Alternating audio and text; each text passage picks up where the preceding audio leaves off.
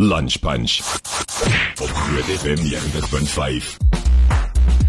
Jy is ingeskakel by Groot FM, dis so 16 na 1 en ek gesels vanmiddag met Andrei Diedriks en is 'n reuse reuse voorreg om hom op die lyn te hê vanmiddag.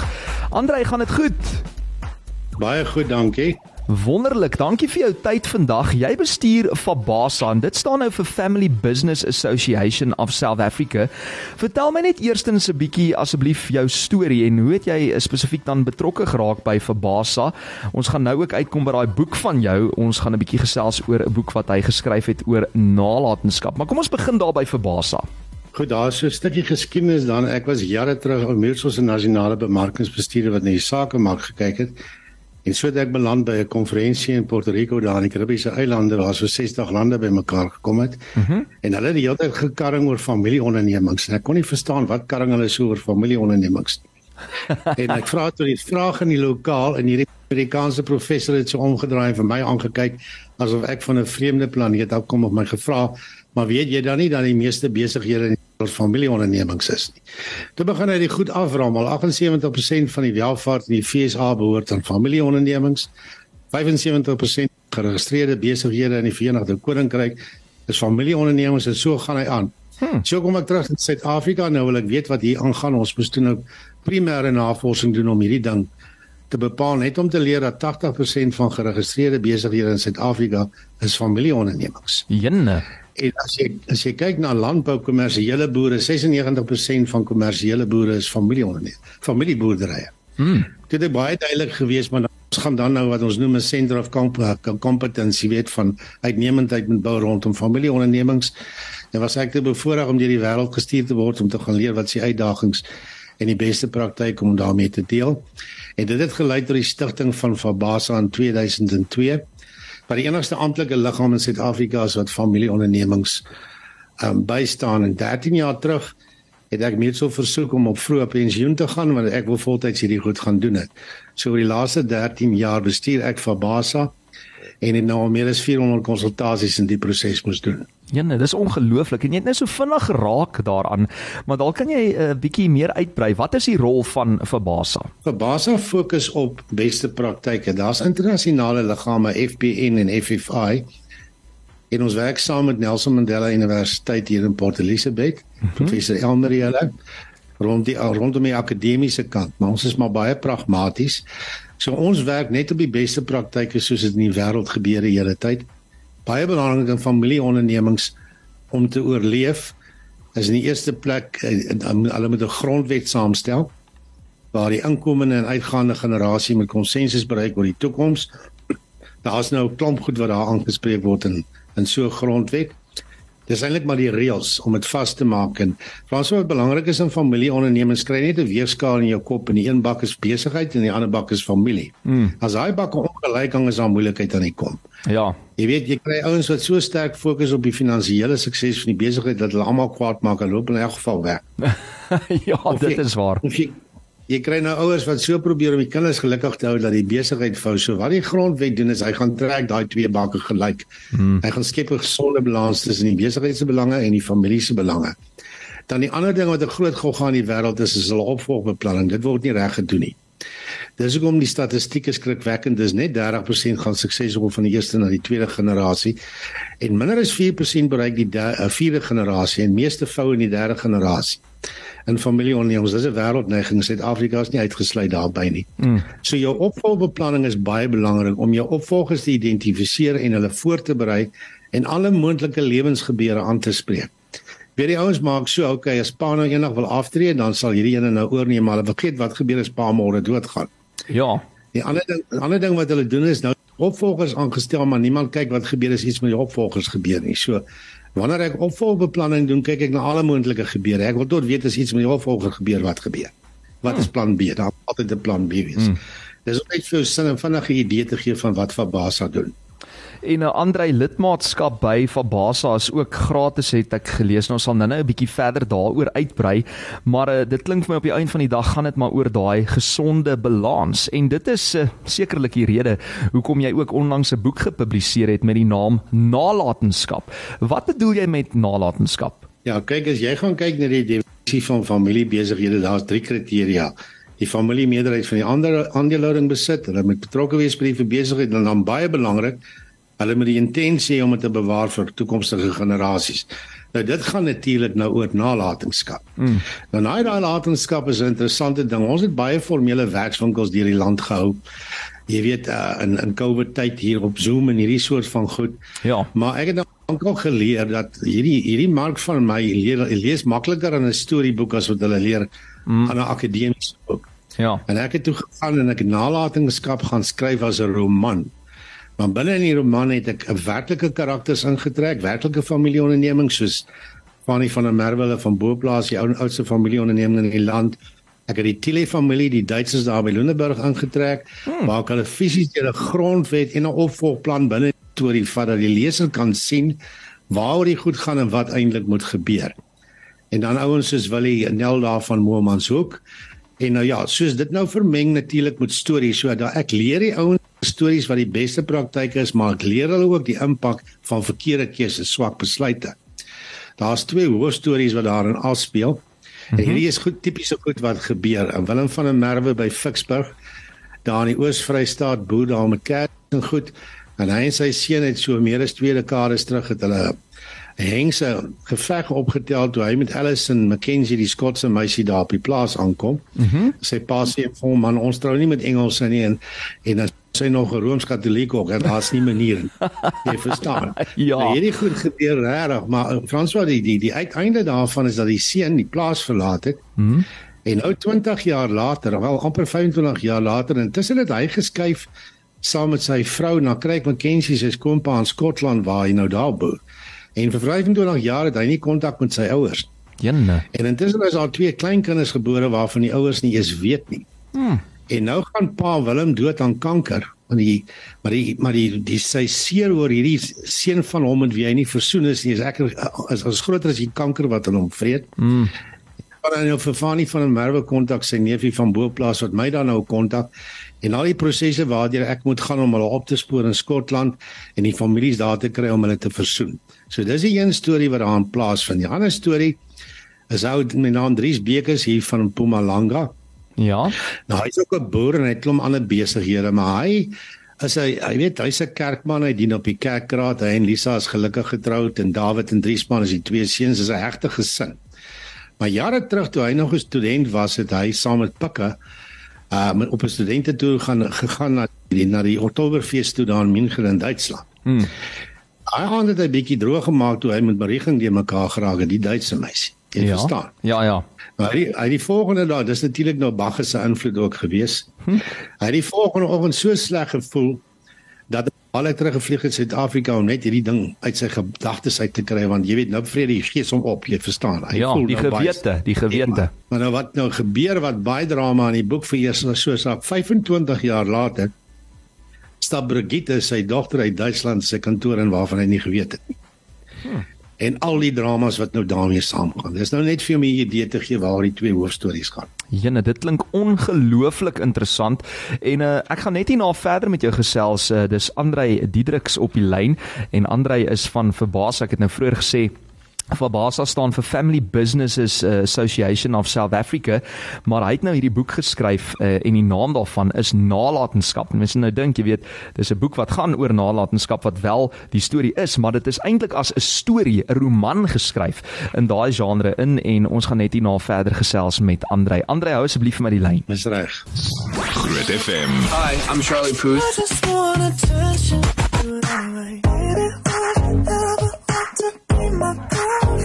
FM 90.5. Ek kry WhatsApp in wat sê jou onderhoud met Andrei Diedriks is awesome. Ek was ook bevoorreg om al van sy sessies by te woon en hy is uitstekend in sy beroep en hierdie uitstekend is in hoofletters geskryf. Sy kennis en ook sy vermoë om mense te hanteer is 'n belewenis. Sy boek Nalatenskap is fantasties. So ja, baie baie dankie vir die terugvoer hier op ons WhatsApp lyn. Ek gaan net hierna verder gesels oor hierdie onderwerp. City Punch. Terug in jou lunch. Weekdae 12 tot 3 op Groot FM 90.5. My bitter interessante gesprek met Andrei Diedriks gaan voort. Hy is die hoofsameroeper van Fabasa en dit staan natuurlik vir Family Businesses Association of South Africa. Nou ons gesels oor sy roman Nalatenskap wat die lig gesien het en dit is 'n interessante boek waaroor Andrei dan ook 'n bietjie uitbrei. So Andrei, jy het onlangs hierdie boek ge, gepubliseer met die naam Nalatenskap, maar wat spesifiek bedoel jy met nalatenskap? Ja, François, daai is 'n baie belangrike vraag wat jy vra want die hart van die boek gaan oor die feit dat nalatenskap nie net gaan wat jy vir jou kinders nalat nie, maar wat jy in jou kinders kinders nalat. Hmm. Kom ek verduidelik net wat ek bedoel hier. Ek het 'n klompie jare terug ook 'n boek gepubliseer met die naam Leierskapswaardes waar ek jou die planteryk uitleer oor leierskapswaardes. Uh en Naledi het my daardie bederf met die met die uitgee van die boek. Ek het ehm um, Die vertrekpunt van die boek was die gemiddelde leeftyd van sakeondernemings in die wêreld is 25 jaar. Hoekom kry jy dan sakeondernemings wat vir eeue en vir meer as 1000 jaar al bestaan? Hmm, dis 'n goeie vraag. Hulle is almal familieondernemings. Toe gaan vra ek hierdie vraag aan al die oudste ondernemings in die wêreld. Hoe het hulle so lank oorleef? En die antwoord was by almal dieselfde. Dit gaan oor hulle waardesisteem.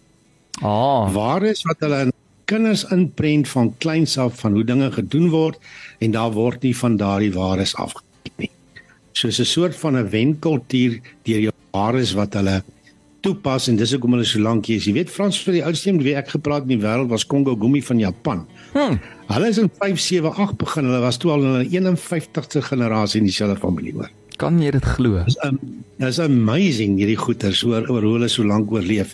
Hulle waarheid my bietjie bietjie onkant gevang want hulle hulle kernwaarde is visie. Ek het nog nooit gedink aan visie as 'n waarde nie. Vir my is dit eerlikheid en betroubaarheid en daai hmm. toe vra ek hulle om te verduidelik te leer hulle vir my die Japaneese beginsel wat hulle die Kaizen principle noem.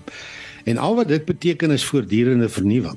Nou verstaan ek en jy hoekom hulle 1500 jaar later nog daar's. Hulle kernwaarde hmm. is voortdurende vernuwing. Vernuwing, ja. So hierdie is ja, hierdie is bitter belangrik dat dit gaan nie net oor 'n erfporsie nie. Dit gaan oor die waarheid wat jou kinders aan aanleer.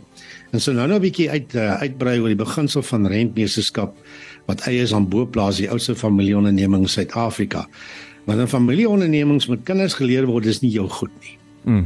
Daar's generasies wat dit opbou wat jy moet oppas in jou tyd vir die wat weer na jou sal volg.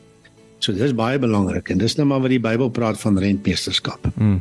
Dis dit is 'n dit, dit is 'n verantwoordelikheid op die einde van die dag. So Andre, ek weet jy het vinnig daaraan geraak vroeër, maar hoekom het jy besluit om nalatenskap as 'n storie en in hierdie geval dan nou 'n roman te skryf? Ek verstaan ook dat daar uh, jy weet uh, werklike karakters in hierdie boek is, as ook fiktiewe name met stories dan nou wat die dramas wat in familieondernemings afspeel duidelik uitbeeld. Kan jy vir ons kortliks dalk vertel wat die leser van hierdie boek kan verwag? Goed, wat die leser van hierdie boek kan verwag. Onthou ek skryf die boek in die eerste persoon. Ja. En jy weet die skrywer is ook maar net die som totaal van jou ervarings, hè? Mm. Ek is nou al meer as 25 jaar met familieondernemers en hulle is deur mekaar en daar's nig niks wat ek nog nie beleef het. en ek moes horrors konflik ontleen. Ja. Ek konflik aan vrae van familieondernemers, jy verstaan? Oeh, ja, nee. So ek wou 'n manier gekry het om dit op 'n manier oor te dra dit makliker vir hulle maak om die beste praktyke aan te leer deur 'n storie en wat en wat suksesvolle familieondernemings in Suid-Afrika doen. Mm. Maar ook, jy sal sien agter op die boek so staan daar die lewe bestaan uit keuses, nê. Nee. En sommige keuses sal vir altyd by ons spook. Mm. Nou dis waaroor dit gaan. Ek wys ook vir hulle deur die stories waar hulle verkeerd gaan.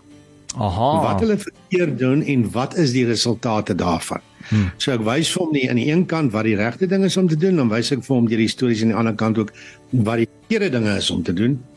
Want daai goed gaan vir jou inhaal. Hmm. Een of ander tyd gaan hy vir jou inhaal. En jy weet eh, hulle sê mos 'n les word gaan homself herhaal tot jy hom tot jy hom geleer het en hom toepas, anders gaan hy nie weg nie. So jy wys al twee weergawe van wat kan gebeur.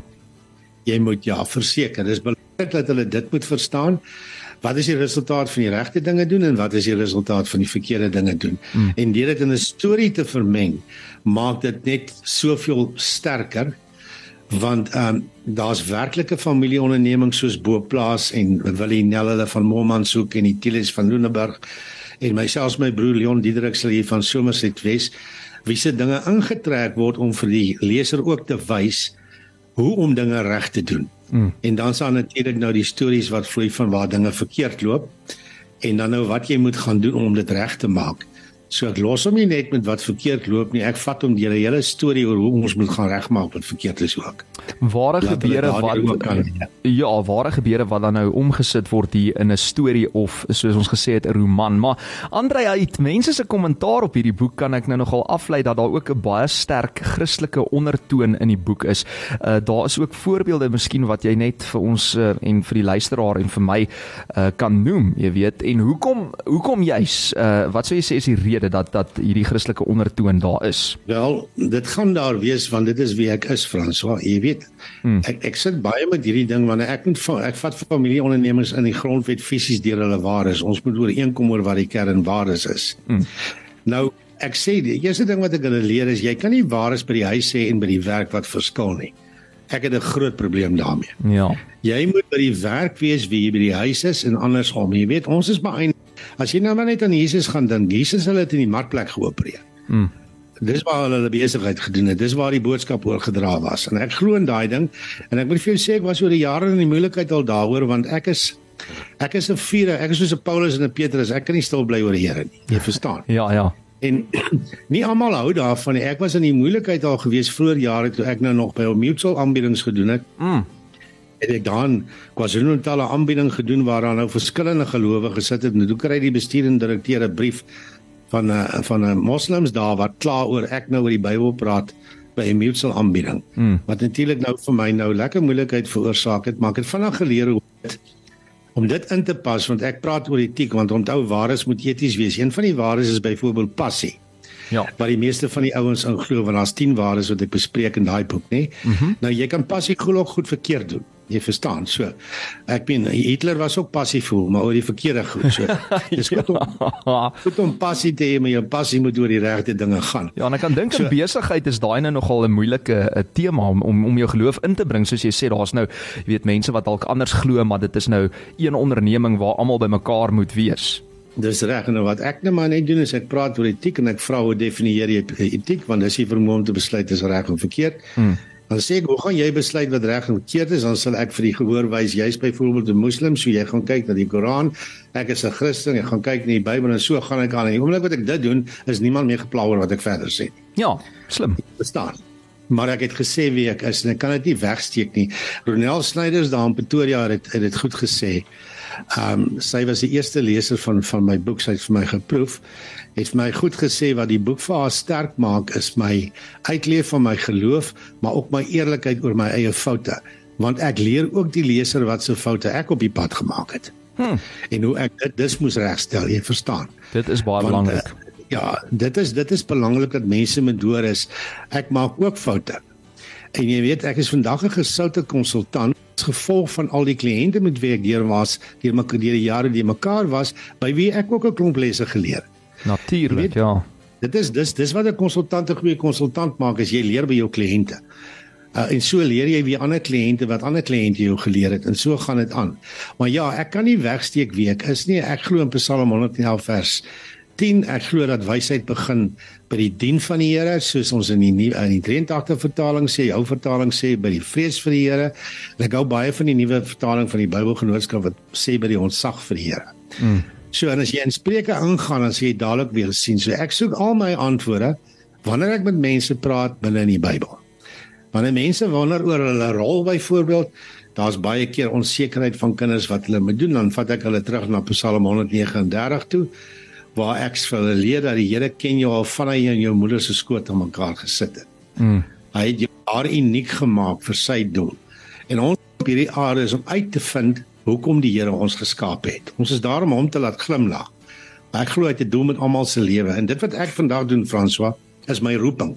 Ja. Dis hoekom ek so so passie het daarvoor en dis hoekom dit so goed gaan met my want ek doen waarvoor die Here my geskaap het. Dit is ongelooflik uh, inspirerend, moet ek net daar inval. Andrei, ek wil ek wil verder met jou gesels. Ons moet net vanaand na musiek toe gaan, maar ek wil net hierna 'n bietjie verder met jou praat spesifiek dan oor Fabasa en uh, jy weet hoe dit gratis is en as mense dalk lidmate wil word daarvan. So skiet ek val jy nou in die Sorry. rede, maar ons tyd haal ons in. Ek gesels met Andrei Diedriks en hy is die hoof sameroeper van Fabasa. Ons gesels oor 'n bitter interessante onderwerp vandag en sy boek Nalatenskap wat so 'n bietjie feit en so 'n bietjie fiksie in het. Soos jy nou kan hoor, dis 'n storie en 'n roman wat hy geskryf het uh, uit al die lesse wat hy al geleer het. Eksklusief op Groen FM 90.5. En ek gesels met Andrei Diedriks, hy's van Verbasa, net vinnig. Ek wil net kyk of ons Zoom link nog uh Andrei, kan jy my hoor?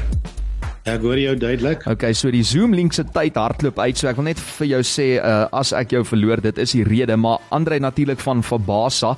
Net vinnig, hoe kan lede aansluit en met julle kontak maak in die eerste plek? Ja, dit is maklik. Hulle kan aanlyn aansluit by www.fabasa.co.za. Fabasa is mos maar net F A B A S A. Mm hulle kan ook my e-pos stuur na Fabasa toe net by info@fabasa.co.za. En dan ek agterkom mense is baie baie meer geneig om WhatsApps te wil stuur as e-pos te stuur. Ja. So hulle kan vir my 'n WhatsApp stuur na my foon toe by 082 45 3328 en dan uh, en dan kan ek so met hulle ook uh, kommunikeer. So jy kan aanlyn aansluit. Die oomblik wat jy aansluit, kom daai ding outomaties deur na my toe. En dan sal ek met jou kommunikeer en vir jou laat weet wat jy alles by Fabasa kan kry in die nuusbriewe en die goed. Want ek gaan laai dan almal nou op die stelsel dat hulle gereeld die nuusbriewe kan kry waar ons hulle leer oor alles wat gebeur by familieondernemings.